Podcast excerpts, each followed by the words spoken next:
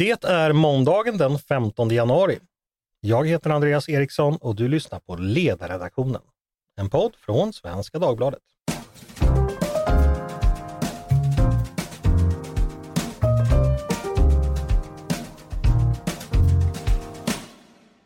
Varmt välkomna ska ni vara till oss och till en ny vecka med Ledarredaktionen. Precis i början av året lämnade Harvards rektor Claudine Gay sin post. Där hade hon bara suttit ett halvår.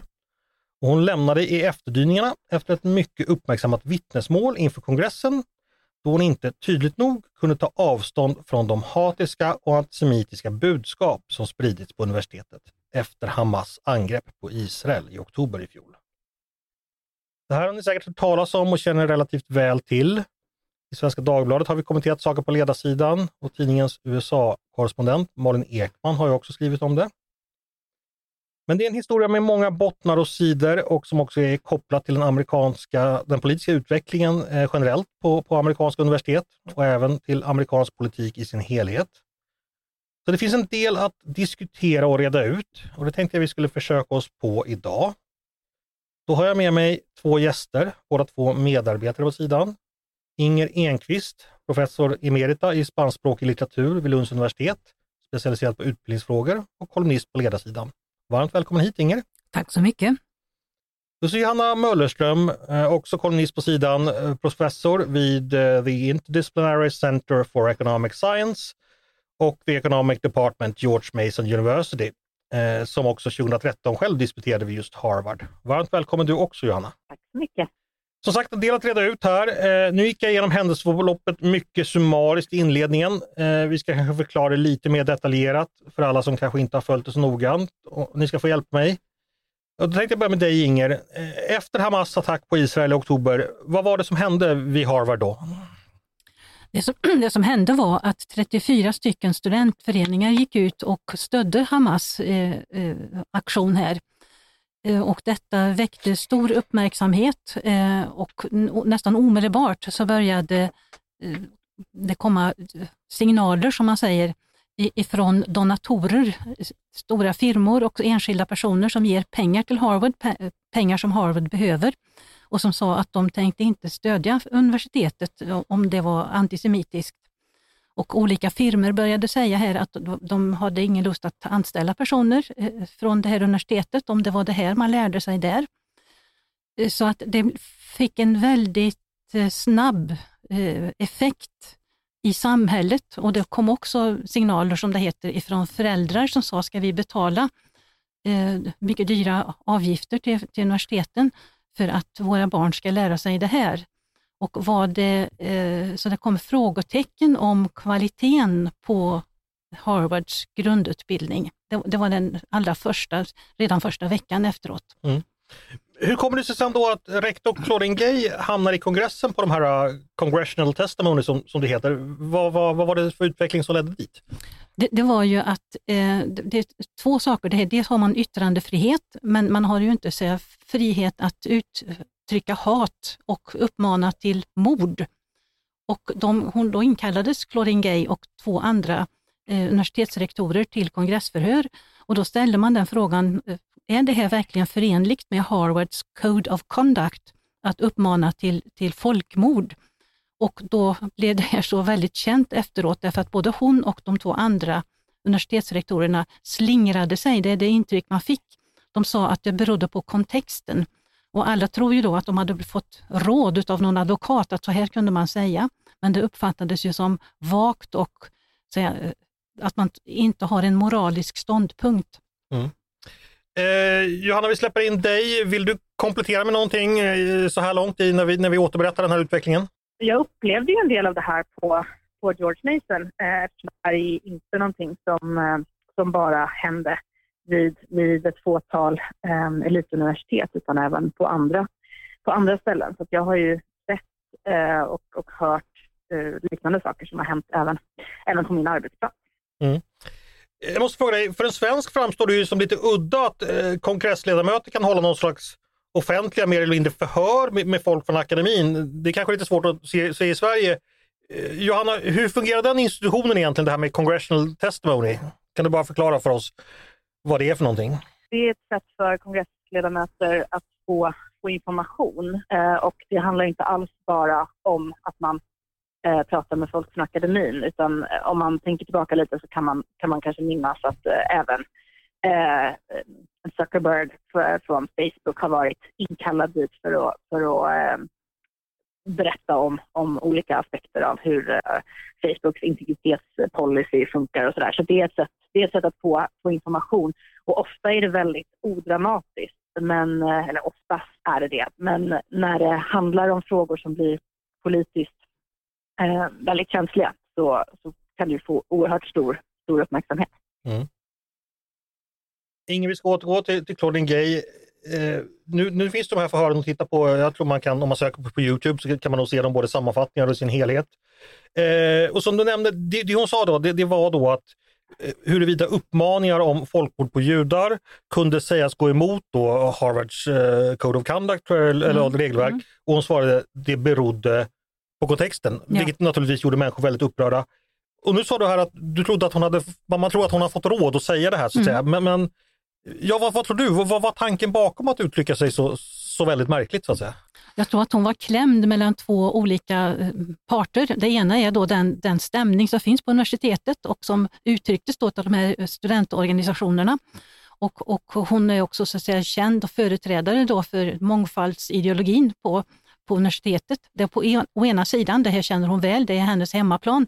Och å andra sidan så ser hon ju då att, att reaktionen i samhället, i den politiska världen, eh, var mycket stark emot. Och hon, hon, hon slingrar sig, jag tar det ordet igen, mellan två stycken opinioner. Hon vill inte hamna i, eh, varken på ena eller andra sidan.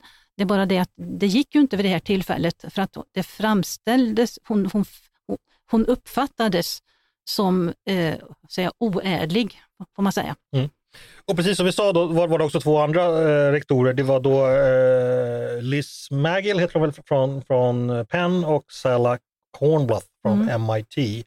Eh, och en av dessa, nu minns jag inte vilken, men avgick väl mer eller mindre direkt. Ja, University of Pennsylvania. Hon, fick av, hon avgick nästan omedelbart. Ja. Eh, sen har ju då Claudine Gays person och, och hennes eh, akademiska meriter kommit, kommit i, i, i förgrunden också. Eh, Inger, kan du fylla på lite. Hur har diskussionen lytt då? Ja, det har ju varit flera så här, infallsvinklar. Den ena är ju då att hon är väldigt så här, svagt meriterad. Eh, hon har sin avhandling och sen har hon ett antal artiklar. Detta är väldigt svag meritering eh, ens för att få en fast anställning. Man kan nästan lägga till fast anställning vid, vid vilket universitet som helst. Men att få en fast anställning vid Harvard och sen att få tenure och sen att bli Eh, hon blev dean och sen så blev hon alltså rektor vid Harvards universitet med en väldigt, väldigt svag meritering om man bara ser på volymen. Den andra eh, synpunkten här det är att man har upptäckt här att hon har plagierat delar av de här få artiklarna som hon faktiskt har skrivit och även en del i hennes avhandling. Och Då uppkommer det en helt annan debatt och det är ju att, att plagiera eh, anses ju som en synd i akademiska sammanhang. Därför att det som vi gör med både studenter och lärare, det är att utveckla ett nytt tänkande, att se hur saker hänger ihop. Eh, att upp, man ska ju så upptäcka någonting och då att skriva av vad någon annan har upptäckt utan att ange källan, det ser man eh, väldigt negativt på. Och då är det igen så här att hade hon inte varit direkt, det hade varit fult för, hos vem som helst och det är kritiserat hos studenter. Men att man är rektor vid Harvard och gör det här, så, så blir det här ännu värre. Men det var så att säga, det var ju en hela serien av händelser, eh, studentdemonstrationerna, kongressförhöret och sen nu det här som, som rullas upp. Eh, alltihop det här blev så för mycket och hon fick ju lov att avgå. Mm. Eh, flytta tillbaka till dig Johanna, du, du är verksam inom amerikansk akademi. Eh, delar du Ingers syn eller många syn på, på att Claudine Gay var, var svagt meriterad för, för den eh, position hon hade? Det kan inte jag bedöma, utan det bedöms ju när man, när man anställs. Och jag har hur som helst uppfattat debatten så som att huvudskälet till att hon, hon avgår nu är det här hon har sagt. Och eh, sen, sen har det diskuterats det här med plagiarism. Eh, det, det, har ju utretts också av Harvard själva och de, de hittade alltså vissa, vissa saker, men, men det var det var huvudsakligen relativt milt, alltså typ att man har, eh, att man typ har skrivit själv samma sak på flera ställen utan att citera sig själv och sådär. Och det ska man absolut inte heller göra. Eh, men, men det finns mycket värre fall av, uh, av folk som har plagierat än, än vad hon har gjort. Så det uppfattar jag inte som, som huvudproblemet. Men sen, sen blir det ju så uh, i, en, i ett sånt här sammanhang att det, det, eftersom hon är, hon är kvinna, uh, Eh, hon är svart eh, och hon är den andra kvinnan och den första svarta kvinnan som är eh, president på, på Harvard, rektor på Harvard. Och då, då är det naturligtvis många som säger att hon hade inte kunnat bli det eh, med de här meriterna eh, om hon inte hade varit kvinna och svart. Medan andra säger att det, det inte är sant. Och det kan man egentligen inte som utomstående akademiker bedöma utan att verkligen sätta sig in i, allt det hon har gjort. Mm. Men de som menar att hon inte skulle ha blivit det om hon inte hade varit eh, svart och kvinna, de menar då att hon helt enkelt positivt särbehandlas som, del, som minoritet? Är det så man tänker då? Ja, mm. precis. Eh, Johanna, du som är sagt verksam inom akademin, när, du, när det här inträffade i december, som det var då, de här kongressförhören och, och hon gjorde de här uttalandena om att det berodde på kontexten och sådär. Hur uppfattar du det och, och, hur uppfattade, tänker du att eh, din omgivning uppfattade det? Var, var det så att eh, det verkligen var någonting man höjde på ögonbrynen åt och, och hur, hur diskuterades det? Absolut, sånt här diskuteras alltid. Um, samtidigt som, som det här diskuterades så, så fanns det inom nationalekonomin, som är mitt ämne, så fanns det en hel del diskussioner om en del andra professorer som, hade, eh, som verkligen hade fuskat till sig forskningsresultat. Så att, man, man konstaterade som sagt ganska snabbt att ja, men, plagiarism och så var nog inte det huvudsakliga problemet för, för, för din gay, för det finns så oerhört mycket värre fall av det.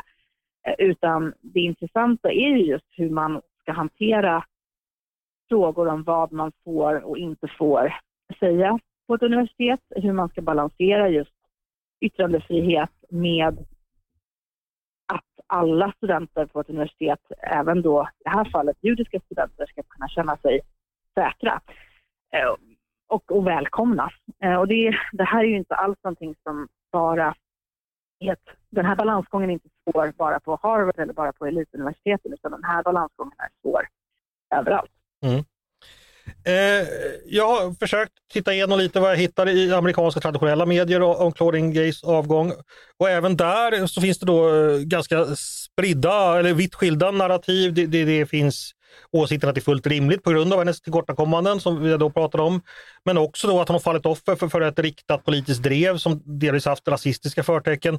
Och, och det här är alltså inte fringe-röster utan det är då eh, de stora tv-kanalerna man kan hitta liksom det, ja, alla möjliga olika tolkningar. Johanna, eh, säga, var ska man landa? Vad är den rimliga tolkningen av hennes, eh, e-, eller har allting skett på samma gång? Att folk har varit ute efter henne men hon har samtidigt begått fel. Vad, vad, vad tänker du är den, den rimliga tolkningen? Utan att ha satt mig in vare sig i detalj i hennes akademiska bakgrund eller i annat så skulle jag gissa att det handlar lite grann om både och. Alltså när man, när man anställs som, som eh, professor så finns det naturligtvis en, en spännvidd i hur bra man behöver vara och hur mycket man behöver ha gjort. Och ibland kan det vara så, eh, jag, jag, kan absolut tänka mig att andra karaktäristika som en person har, som till exempel att man kommer från en bakgrund som är underrepresenterad, kan göra att man kan bli anställd med något något mindre meriter, eh, något sämre meriter än vad någon annan hade kunnat bli anställd med. Sen ska man komma ihåg att hon har en PhD från Harvard och hon har varit eh, anställd även på Stanford. Så att det, det, hon har ju en ganska lång historia av, av eh, att ha producerat eh, och kommit väldigt långt. Ehm, men visst, det kan, det kan finnas sådana inslag. Och samtidigt så tror jag också att det är sant att när hon säger det som hon sa i den här congressional hearing, de här två andra eh, rektorerna som också är kvinnor, så är det mycket möjligt att det uppfattas annorlunda och tolkas annorlunda och mindre välvilligt än om det hade varit eh, en person med mer traditionell bakgrund som hade sagt det. Så det kan nog det kan nog vara, vara sant, båda de här sakerna. En annan fråga, Johanna, det här med, med att, eh, nu var det ju så att det var ju republikanska eh, kongressledamöter så, så, som kallade till det här förhöret och då, då höll det här vad jag uppfattade som var, var liksom ett förhör där man då eh, ville sätta dit så att säga. Liksom. Har det funnits en politisk kampanj riktad just mot henne? Ska man förstå det som det också? Eller riktad mot de här tre rektorerna och vad de anses representera? Det vet inte jag om det har funnits det innan. Det har jag egentligen ganska svårt att tänka mig. Däremot så finns det ju starka politiska åsikter om, om positiv särbehandling och det finns, eh, om, man, om man nu, som de då säkert gör, de misstänker att det är det som, som eh, delvis har, har bidragit till att de har hamnat där. Om, man, om, om de tror det så vill de säkert diskutera det. Eh, och så finns det ju en väldigt stor politisk diskussion om det här som kallas för DEI, alltså DEI, Diversity, Equity and Inclusion, som är någonting som, som diskuteras på alla universitet och som republikanska kongressledamöter är kritiska till. Mm. Och om de får chansen att, att kritisera det i det här sammanhanget också och just säga okej, okay, typ, yttrandefrihet är jättebra men det gäller tydligen inte alla eh, och sådär. Så då gör de nog gärna den politiska poängen. Mm. Vi ska återkomma till det här med DEI. Jag ska bara släppa in Inger här. Innan vi lämnar Claudine Gay, det vi skrev där att eh, diskussionen kring henne och eh, diskussionen efter hennes avgång, att det finns olika föreställningar och narrativ här där man så att säga, utgår från olika positioner. Att antingen hon är ett offer eller så är hon... Eh, vad, vad, vad, tänker du eh, om det? Vad, har du någonting att tillägga kring just den diskussionen? Ja, jag skulle vilja tillägga en sak och det var det är själva utnämningen till rektor. Då. Hade hon varit en så att säga, lektor eller hon haft en annan position på Harvard så skulle det här inte ha varit lika, lika stark debatt. Men en rektor på Harvard, om du tänker att Harvard är världens mest berömda eh, universitet och rektor är den högsta posten. Det här är alltså en sorts symbolpost. Det här är den, så den finaste posten i den akademiska världen, i hela västvärlden kan vi säga. Det är alltså en otroligt eh, säga, viktig post för den signalerar så väldigt mycket. Och därför bör den som blir rektor där vara en otroligt väl meriterad person. Det bör vara en person som är 20-30 böcker. Det bör vara en person som är respekterad överallt. Det ska inte finnas något, någon diskussion om, om hur viktig den här personen är och, och hur, hur framstående deras arbete är. Och då, då, då, får man inte ens vara i närheten av att man diskuterar om man är behörig eller berättigad till det här. Så det är den enorma skillnaden mellan vad man förväntar sig ifrån posten och vad, den här, vad Claudine Gay var. Mm. Okej, eh, okay, då ska vi eh, lämna Claudine Gay lite och prata, eh, vi ska lämna, lyfta blicken helt enkelt från den här enskilda händelsen och göra som du gör i din kolumn Inger, där du beskriver det som hände vid Harvard som en del i ett större politisk rörelse som rör amerikanska universitet. Och då ska jag citera dig. Eh, andra akten i det här dramat består i att allmänheten har förstått hur unga kan påverkas av utbildning som förmedlar identitetspolitik, genusteori och kritisk rasteori tal om förtryckare och förtryckta och fokus på mikroaggressioner, säkra platser och triggervarningar. Den antisemitism som demonstrationerna gett uttryck för, alltså de, de på Harvard då, eh, kan ses som en illustration av en bredare trend, nämligen att vänsterinriktade politiska rörelser symboliserade av Black Lives Matters i antirasismens namn har blivit rasistiska och antivästliga och gjort gemensam sak med islamism. Det är alltså så vi ska för, förstå den enskilda händelsen, att det är del av ett större mönster. Eh, citatet säger ju en del, men, men, kan du utveckla ytterligare lite mer? Det här mönstret, hur, hur ser det ut och var kommer det ifrån? Mm. Det är ju en komplicerad sak, men vad man kan säga här är att det har spritts en idé om att samhällsfenomen ska, eh, ska analyseras som ett mönster av förtryckare och förtryckta. Eh, och det, här kan, det här menar man kan appliceras på alla möjliga sammanhang. Det kan på kön, män förtrycker kvinnor, raser, att vita förtrycker icke-vita eh, och, och så vidare. Det här är ett väldigt så säga, simplistiskt mönster och, vi, och det, det, känns för många som ett steg tillbaka mot mera så säga, sofistikerade och mera säga, faktabaserade mönster som vi har haft att analysera samhällsförhållanden. Och det, det är så, så, enkelt att det ofta övergår i någon form av aktivism och det är väl det som man tycker sig se då vid Harvard här. Eh, och det konstiga är ju då när man förknippar det med, med islamism, för islam har ju helt andra Eh, värderingar, helt andra sätt att se på, på världen. Eh, det, det, borde inte kunna gå att, att koppla ihop de här, men, men, det har visat sig att det gör man ändå. Eh, så därför så är det här som hände nog väldigt typiskt och det går långt utanför situationen med, med, med Claudine Gay Och, och det intressanta politiskt, tycker jag, det är ju att det har riktat allmänhetens intresse mot någonting som är mycket, mycket väl känt inom akademin, både i USA och naturligtvis i Europa också, eh, men som nu har blivit en allmän diskussionspunkt. Vilka ämnen eller discipliner är det här i, samhällsvetenskapen, humanioran? Är, så att säga, är det någonting som finns lite varstans eller finns det några speciella områden som är mer så att säga, påverkade? Skulle du säga? Det, det, finns både i samhällsvetenskap och i humaniora, kanske allra mest i samhällsvetenskap som är naturligt. Och där har du ämnen som, som sociologi, man har statsvetenskap i någon mån, eh, man har antropologi, väldigt stort i det här fallet, eh, man har eh, lärarutbildning i någon mån. Det, men det, det, är väldigt spritt i samhällsvetenskaper överhuvudtaget, men den finns också i humaniora, där man använder de här samma scheman för att analysera texter eller analysera språk och så vidare. Det är något mindre framträdande i humaniora, men det är, det är alltså en en, en stor, eh, stor trend och den, den, eh, den har att göra med hur man närmar sig det studerade föremålet, vilka föremål man väljer att studera, hur man tillsätter tjänster, hur man skriver litteraturlistor.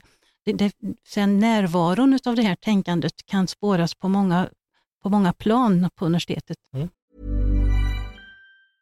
Hej, jag Ryan Reynolds. Recently, I asked Mint Mobiles legal team if big wireless companies are allowed to raise prices due to inflation. They said yes. And then when I asked if raising prices technically violates those onerous two-year contracts, they said, what the f*** are you talking about, you insane Hollywood ass?" So to recap, we're cutting the price of Mint Unlimited from $30 a month to just $15 a month. Give it a try at mintmobile.com slash switch. $45 up front for three months plus taxes and fees. Promoting for new customers for limited time. Unlimited more than 40 gigabytes per month. Slows. Full terms at mintmobile.com. Vi släpper in dig igen Johanna. Du är ju verksam i den amerikanska akademin, eh, låt vara inte på Harvard, men, men ändå inom samhällsvetenskapen. Eh, känner du, hur mycket av eh, det som Inger beskriver känner, känner du igen? Från, från, från din verksamhet? Jag känner inte, eh, jag, jag, känner igen det som fenomen, definitivt. Jag känner inte att jag påverkas särskilt mycket i vare sig, eller jag känner inte att jag påverkas alls faktiskt i vare sig min forskning eller min, min undervisning, men jag känner till fall där människor påverkas starkt. Um, det, man, kan ha, man kan ha otur och så kan man, man kan undervisa om någonting som någon student uppfattar som, som jobbigt och då till exempel tycker att de borde ha fått en triggervarning och sen så kan, det, så kan man bli anmäld och så kan det blåsas upp till, till fullständigt vansinniga proportioner. Och sådana såna fall hör man talas om.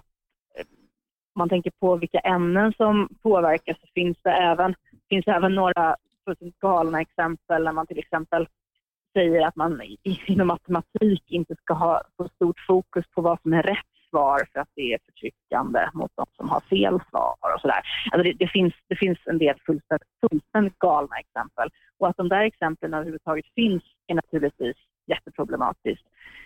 Jag har märkt, jag undervisar till exempel en kurs i gender economics, jag har märkt att jag tänker två gånger innan jag diskuterar vissa artiklar och mm, papper och idéer. Eh, och jag tänker lite mer på hur jag ska diskutera dem. Jag tycker inte att det är någonting som har varit problematiskt eller är problematiskt för mig, men jag kan definitivt se att det kan, kan bli det. Så att allt, det här, allt det här finns, eh, men man ska heller inte tro att det finns i vartenda klassrum eh, precis hela tiden, eh, överallt jag har fantastiska diskussioner om man tar den här Gender Economics-kursen som exempel. Så jag har fantastiska diskussioner med mina studenter. De har oerhört olika åsikter. De uttrycker sig väldigt respektfullt och de skriver i utvärderingarna eh, lysande eh, ord om hur fantastiskt det är att, att, kunna vara i en miljö där man kan uttrycka eh, olika åsikter och sådär. Så att det finns fortfarande väldigt mycket som, som fungerar väldigt bra. Mm. Ehm, men de här trenderna finns. Mm. Lite betryggande ord ändå Inger, att eh, i alla fall inom economics, nationalekonomin, där, där Johanna är så, så kan, tycker hon inte hon är så påverkad. I alla fall. Får jag kommentera kort då, så ska jag säga det att eh, in, inför min artikel så hade jag ett långt samtal med en svensk som arbetar just på, eller som studerar just vid ett amerikanskt universitet, ungefär i, i närheten av Johanna. Eh, och, och, hans beskrivning är ju helt annorlunda. Så att det är väl olika miljöer där som här. Så är det säkert. Eh, vi, vi ska prata vidare lite om de här, eh, nu har vi haft den här termen eh, diversity, equity och, och inclusion. Det var du som nämnde det för, först Inger. Mm. Eh, vill du bara kort förklara, för det nämner du också i din text. Mm. Vad betyder det och vad har det för betydelse? Ja, det här med, med diversity det är ju, här, kan vi översätta med mångfald. Det är man ska här, ta in på ett universitet då, personer av många raser blir det i själva verket, eller etnisk bakgrund. Det är ju också att man ska ha författare ifrån många eh, bakgrund, eh, från olika bakgrund också. Så det påverkar eh, olika delar av universitetet. Equity har kommit att bli Eh, det nya ordet för jämlikhet. För, och det är så att säga jämlikhet i utfall, att man vill att studenter med olika bakgrund, med olika så antagningspoäng kanske, med, på olika sätt, de ska få ett liknande resultat. Alla ska nå upp till samma nivå. Eh, och det är alltså något helt annat än den Eh, jämställdhets eh, och jämlikhetsideologi som man hade förr när det gällde att alla skulle få tillgång till samma möjligheter. Här vill man att det ska, resultatet ska bli annorlunda. Och, och inkludering pratar vi om också i Sverige. Eh, och det är ju ofta då att man ska ta in studenter på olika nivå och så ska, man, så då ska de smälta samman i klassrummet. Och det här är lite problematiskt då i utbildningssammanhang därför att eh, det beror ju på en students eh, förkunskaper, förutom vilja och energi och annat, hur, hur långt studenten kommer i sina studier. Eh, men det är ju det i, i Sverige som i USA, det det här att man eh, tycker att man ska bredda intaget och sen så tänker man att de här studenterna ska fångas av miljön och, och bli väldigt duktiga. Men det kan ju också hända så här att hela miljön sjunker något när alla ska när man inte kan ställa samma krav på, på alla studenter. Just det. Johanna, eh, har du någonting att lägga till DEI? Eh, vad har det för betydelse för dig i ditt arbete? Är det någonting du, du märker av eller vad har du att säga om det? Det- Vi har en massa DI-konsulter på, på George Mason som, men som så ofta, ibland gör de vettiga saker och ibland gör de inte så vettiga saker. Jag satt, på en, satt i en rekryteringskommitté för något år sedan och skulle rekrytera en, en annan professor till, till min fakultet.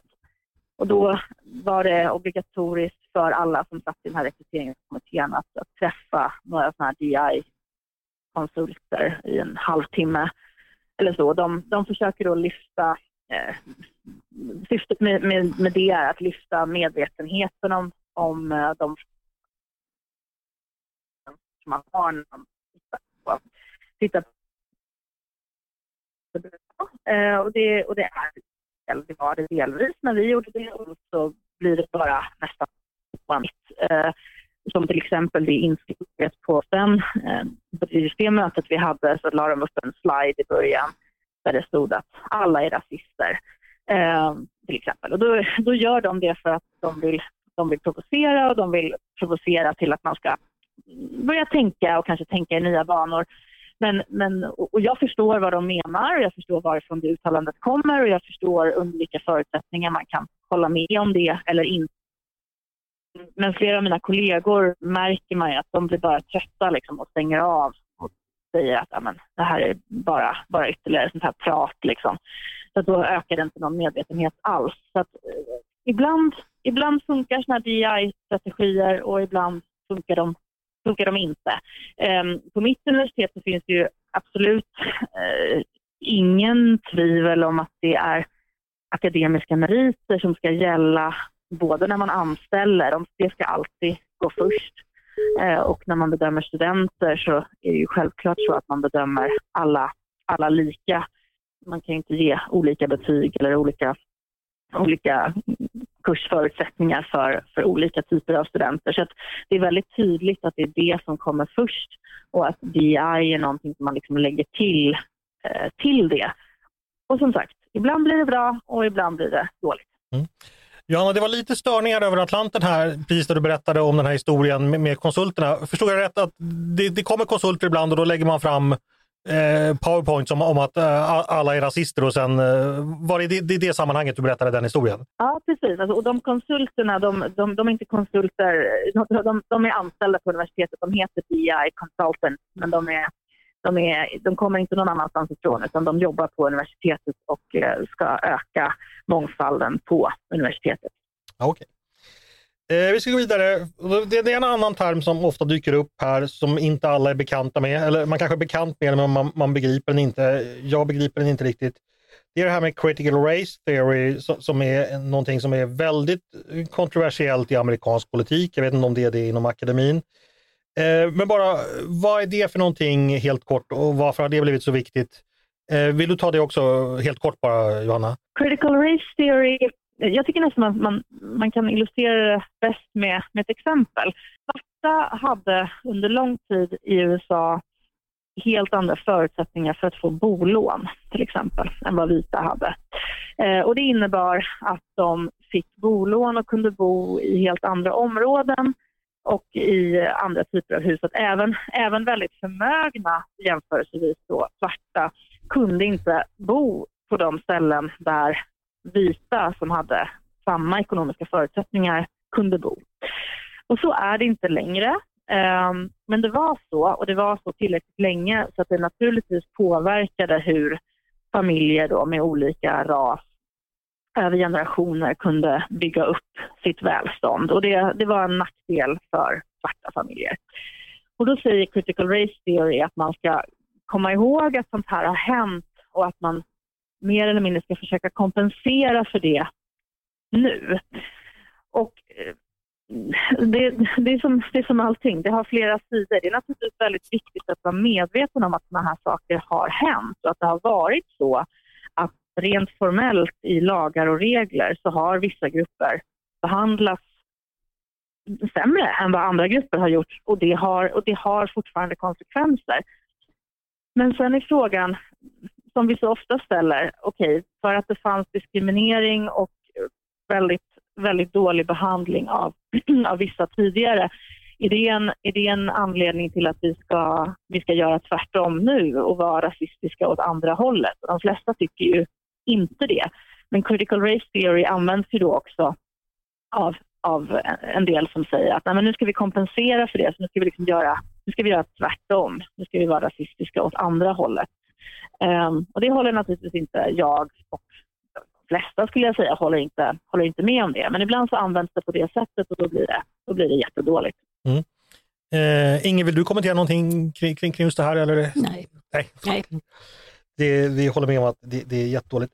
Eh, en sak jag tänkte kolla med dig Inger, i USA det är ju en speciell kontext med tanke på landets historia. Eh, ett land som, som då grundades i, i slaveri och där segregation och och rasism, Jim Crow-lagar och allt där har funnits med väldigt mycket. Eh, hur, eh, som, som svensk är det inte helt lätt att orientera sig i, i det landskapet. Eh, vad tänker du, eh, kan man förstå att man i USA kanske tänker annorlunda kring just ras och härkomst än vi gör i Sverige just på grund av sin historia? Eller, eh, ja, förstår du? Ja, vad jag, tänker du?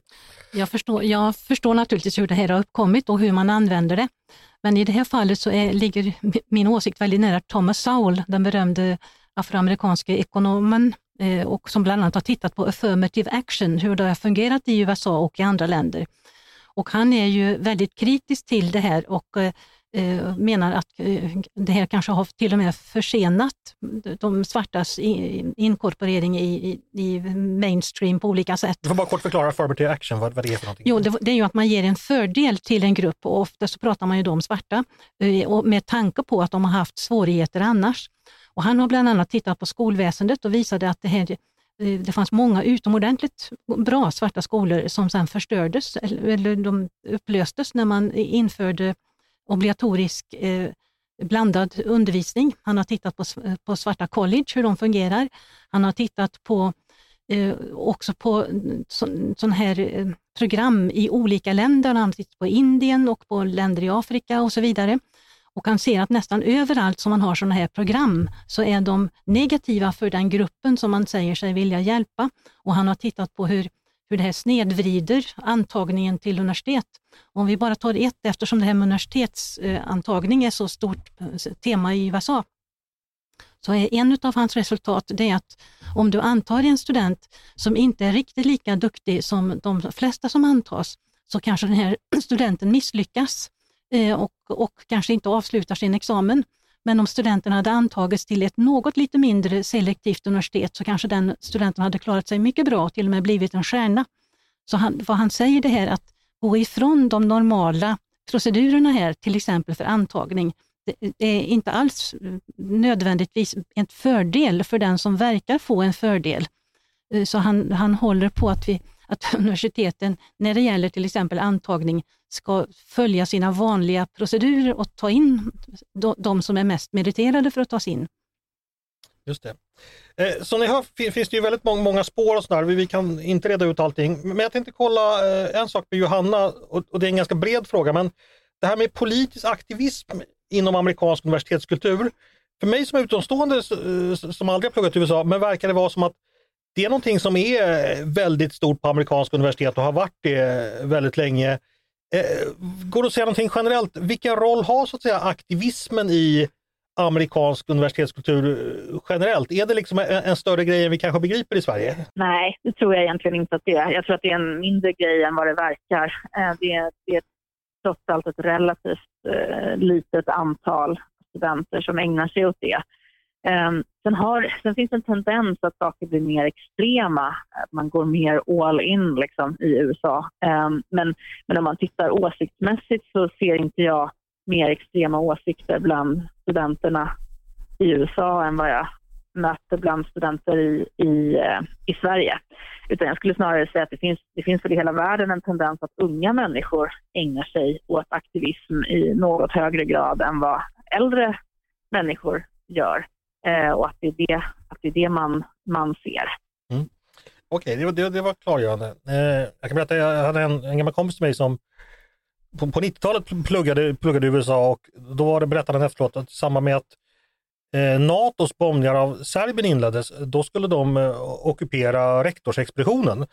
Och då kan man undra, sig, det, här var ett fridsamt litet college ute i mellanvästern någonstans. Alltså, vad, gjorde det för nytta så att, säga, att, att, att sätta sig på sittstrejka på, på rektorsexpeditionen för vad som hände i Jugoslavien? Men det, ja, så kan man kanske göra. Om, Nej, men, sånt, men, sånt, men sånt händer ju och sånt, och sånt händer ju i Sverige också. Det finns ju alla möjliga, möjliga protester på Sergels torg i Stockholm som handlar om saker som sker i andra delar av världen och där man också undrar vad det, vad mm. det kommer att göra för, för skillnad egentligen. Och tänker att det förmodligen inte gör någon skillnad alls. Nej. Det, känns, det känns snarare mänskligt än någonting som, som har att göra specifikt med amerikanska studenter. Så är det säkert. Eh, hörni, vi, vi ska börja röra oss mot en avslutning och då tänkte jag, Inger, din text avslutas med en uppmaning till, till utbildningsminister Mats eh, Persson, för, för du ser ju ett potentiellt problem här också i svenska förhållanden. Vad vill du att utbildningsministern ska göra? Oh, det är så mycket så jag får välja kanske några men, saker. Men just i det här sammanhanget? Ja, eh, jag, jag, tror ju att eh, allt påverkas av att vi har ett system sedan 90-talet det man får betalt på institutionen från hur många man antar och hur många man examinerar. Det här har lett till en viss form av korruption. Korruption är ett starkt ord, men man påverkas av att eh, antalet som godkänns eh, bestäms, bestämmer eh, budgeten för institutionen. Och det, det, gör att man släpper igenom folk och det, att man kanske startar kurser som inte mm, man tror så väldigt mycket på, som inte är så värdefulla, men den, de ger pengar. Jag tror att vi behöver se över finansieringssystemet och det påverkar alla nivåer utav vad vi gör sen. Eh, sen tror jag också att vi behöver kanske då stärka de här stora ämnena som har en solid vetenskaplig grund. Eh, jag tycker det är det som har liksom kanske då i Claudine Gay-fallet här eh, finns ett frågetecken kring. Men att det är de, de stora ämnena, att den vetenskapliga grunden och att det är det som universitetet står för. Sen har jag en liten specialfråga och det är med lärarutbildningen. Lärarutbildningen är oftast någonstans kring 20 poäng, 20 procent av svensk eh, högskoleutbildning. Den är alltså enormt stor, det är den största yrkesutbildningen och den har ett, ett svagt rykte vetenskapligt sedan, sedan många decennier. Vi borde se över lärarutbildningen. Det skulle stärka svensk, eh, svensk utbildning i största allmänhet och Det har ett samband med det som vi har pratat om, därför att man, man, man lär ut mycket om mångfald och genus och eh, allt det som vi har pratat om. Det är stora ämnen på lärarutbildningen och de lärarna går sedan ut och lär ut samma sak i skolorna i Sverige. Så att det är en viktig sak att lärarutbildningen ska koncentreras på ämnesundervisning eh, och att vi ska tänka över vad det är för typer av teorier som vi vill skicka vidare ner i skolväsendet. Mm. Det är om Sverige. Vi ska avsluta bara med en kommentar från Johanna och USA. Nu har vi pratat om amerikanska akademi och pratat ja, då vad som då kan betraktas som, som avarter. Eh, ja, nu ska du få en jättestor fråga, men, men, men, sammanfattningsvis, de här sakerna som då är mindre bra i form av eh, aktivism, i form av att eh, man eventuellt ser mellan ögonen eller mellan fingrarna på rasism. Eh, ja, det här väldiga problemkomplexet, ganska brokigt, som vi ser det. Hur stort problem är det? Eh, är det någonting som vi kanske, som när vi sitter på andra sidan Atlanten, bara ser det värsta, överdriver? Eller vad tänker du? Alltså det är i vissa fall, eh, när, det, när det går riktigt fel, så blir det ett jättestort problem. Sen ska man inte, man, och det ska man ta på största allvar och man ska definitivt göra någonting åt det. En fight som jag väldigt gärna vill ta och tar som, som professor är just fighten för, för yttrandefrihet och free speech på campus och, eh, och mångfald av åsikter, inte bara, inte bara av, eh, av bakgrund hos både studenter och, eh, och lärare. Så det, det, finns mycket som, som inte är optimalt och de fighterna ska man definitivt ta. Samtidigt så ska man komma ihåg att de flesta studenter tror inte jag uppfattar att de påverkas av det här på daglig basis. Jag håller ju med eh, Inger i, i mycket eh, av det som hon säger, att universiteten ska ju vara en plats där man letar efter sanning, man letar efter objektiva fakta och man tittar på världen som den faktiskt är och inte som man, som man tycker att den ska vara. Försöka få den att passa in i någon speciell modell som man har, utan att man faktiskt ska förstå hur saker och ting fungerar och agera utifrån det. Och det får bli dagens slutord, vackra sådana. Eh, stort tack Johanna Möllerström, eh, professor vid George Mason University, för att du gästade mig idag. Och stort tack Inger tack Enqvist, eh, professor emerita i spanskspråkig litteratur, specialiserad på utbildningsfrågor, för att du kom hit idag. Tack så mycket. Och ni är båda medarbetare vid ledarsidan ska sägas. Så er kommer man få läsa mer av säkert i det här ämnet i framtiden. Därmed återstår inte annat än att tacka för mig och för idag för att ni har lyssnat på dagens avsnitt av Ledarredaktionen. En podd från Svenska Dagbladet. Ni är varmt välkomna. Hör av er till redaktionen med tankar och synpunkter på det vi precis har diskuterat. Men också om ni har idéer och förslag på det vi ska ta upp i framtiden. Då är det bara att mejla till ledarsidan snabel svd.se. Dagens producent, han heter Jesper Sandström själv heter jag Andreas Eriksson och jag hoppas att vi hörs snart igen.